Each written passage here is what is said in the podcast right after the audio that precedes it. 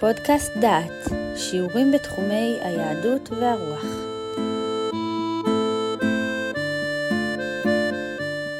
ברוכים הבאים לפודקאסט דעת לקורס ירמיהו ותקופתו. הנושא שלנו הוא על פרק ו' ופרק ח', ששניהם מדברים על נבואות חורבן. קראנו לנושא הזה, ערלה אוזנם ולא יוכלו להקשיב. מדבר אליכם יהודה אייזנברג, ומקווה שתיהנו ותלמדו. שתי נבואות קרובות בתוכנן ובצורתן מצויות בפרק ו' ובפרק ח' שבספר ירמיהו. מתוכן הדברים נראה כי נבואת פרק ו' קודמת לנבואה של פרק ח'. בפרק ו' מדבר הנביא טרם חורבן, והוא מזהיר את יושבי ירושלים מן האסון המתקרב, ואילו בפרק ח' מדבר הוא על האסון שכבר היה, והוא מנסה ללמוד ממנו לקחים. בפרק ו' מזהיר הנביא מפני אסון קרוב, וכך הוא אומר: כה אמר אדוני, הנה עם בא מארץ צפון, וגוי גדול יאור מירכתי ארץ. קשת וחידון יחזיקו, אכזרי הוא ולא ירחמו. קולם קיים יהמה, ועל סוסים ירכבו, ערוך כאיש למלחמה, עלייך בת ציון. שמענו את שומעו, רפו ידינו, צרה החזיקתנו, חיל כיולדה. אל תצאו השדה, ובדרך אל תלכו, כי חרב לאויב, מגור מסביב. בת עמי, חגרי שק והתפלשי ואפר, אבל יחיד עשי לך, מספד תמרורים, כי פתאום יבוא השודד עלינו. ובפרק ח' מדבר הנביא על אסון שכבר התרחש. מבליגתי עלי יגון, עלי ליבי דווי. הנה כל שבעת בת עמי מארץ מרחקים. האדוני אין בציון, אם מלכה אין בה, מדוע הכעיסוני בפסיליהם בהבלי ניכר? עבר קציר, קל הקיץ, ואנחנו לא נושענו. על שבר בת עמי הושברתי, קדרתי, שמה החזיקתני. הצורי אין בגלעד, אם רופא אין שם, כי מדוע לא עלתה ארוחת בת עמי? מי ייתן ראשי מים ועיני מקור דמעה, ואבכה יומם ולילה את חללי בת עמי. הימים הם שלהי בית המקדש הראשון. החזית הצפונית קרבה והולכת. כוחות נבוכדנצר לוחצים מצפון. מלכות ישראל נפלה זה כבר, ויושבי ירושלים שאננים כאילו לא קרה דבר. ירמיהו מסתובב בעיר ומפיץ נבואות קודרות. הוא מוכיח את יושבי ירושלים.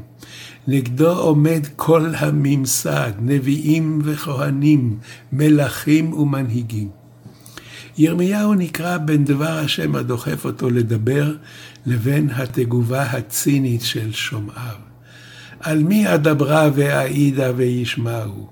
הנה ערלה אוזנם ולא יוכלו להקשיב. הנה דבר השם היה להם לחרפה, לא יחפצו בו. הדימוי של הגפן מופיע הן בפרק ו' והן בפרק ח'. אך מה קרה לגפן בין שתי נבואות אלה? בפרק ו' יש בגפן שאריות, עוד יש לה תקווה. עולל יעוללו כגפן שארית ישראל. השב ידך כבוצר על סלסילות. הבוצר סיים את הבציר. האויב הגלה את עיקר העם, והוא שב ומחפש את העוללות.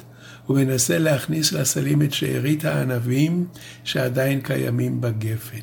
ואילו בפרק ח' קורא הנביא בזעם, הסוף אסיפם נאום אדוני. אין ענבים בגפן, ואין תאנים בתאנה, והעלה נבל, ואתן להם יעברו. היו ענבים, היו עוללות, אבל עכשיו אין כלום. גם עלים אין, נבלו כולם. והסיבה לכך, ואתן להם, מה נתתי להם? חוקים ומשפטים יעברום, הם עברו על חוקיי. הנתק שבין הנביא לשומעיו מבוסס על חוסר הסכמה ביניהם בשאלות היסוד הקובעות את התנהגותה של אומה.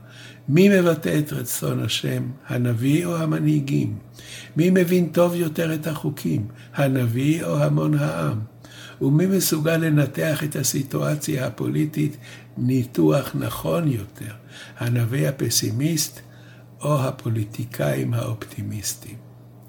ירמיהו טוען, על מי אדברה והעידה וישמעו? הנה ערלה אוזנם ולא יוכלו להקשיב. הנה דבר אדוני היה להם לחרפה, לא יחפצו בו.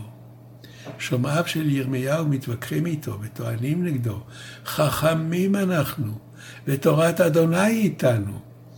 וירמיהו זועק נגדם, הנה לשקר עשה עת, שקר סופרים. הכתבים שאתם מקבלים כתבי שקר הם. ועיקר ההבדל שבין ירמיהו למתנגדיו הוא בהערכה הפוליטית של התקופה. הכהנים והנביאים קוראים שלום, שלום, וירמיהו חוזר על קריאתם בלעג. שלום, שלום, ואין שלום. כי מקטנם ועד גדולם כולו בוצע בצע, ומנביא ועד כהן כולו עושה שקר. וירפאו את שבר בת עמי על נקלה לאמור, שלום שלום ואין שלום. התיאור של נביאי השקר חוזר פעמיים, פעם בפרק ו' ופעם בתיאור המפלה בפרק ח'. בשניהם ממשיך התיאור בחשבון הנפש שעושים נביאי השקר. הובישו כי תועבה עשו? האם לאחר שהאמת טפחה על פניהם, ונתברר שקריאות השלום שלהם התנפסו לרסיסים. האם התביישו הנביאים והכהנים? גם בוש לא יבושו, והיכלם לא ידעו. ושוב חוזר ירמיהו ומציע לעם לשאול לנתיבות עולם. איזה דרך הטוב ולכו בה, ומצאו מרגוע לנפשכם. ושוב התשובה המאכזבת, לא נלך. יש כאן קרע גמור בין הנביא לבין שומעיו, ורק היסטוריה תאמר, לא בעוד שנים רבות, מי משניהם צדק.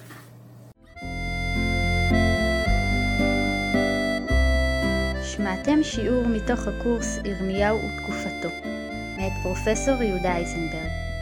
את הקורס המלא וקורסים נוספים ניתן לשמוע באתר דעת במדור פודקאסט.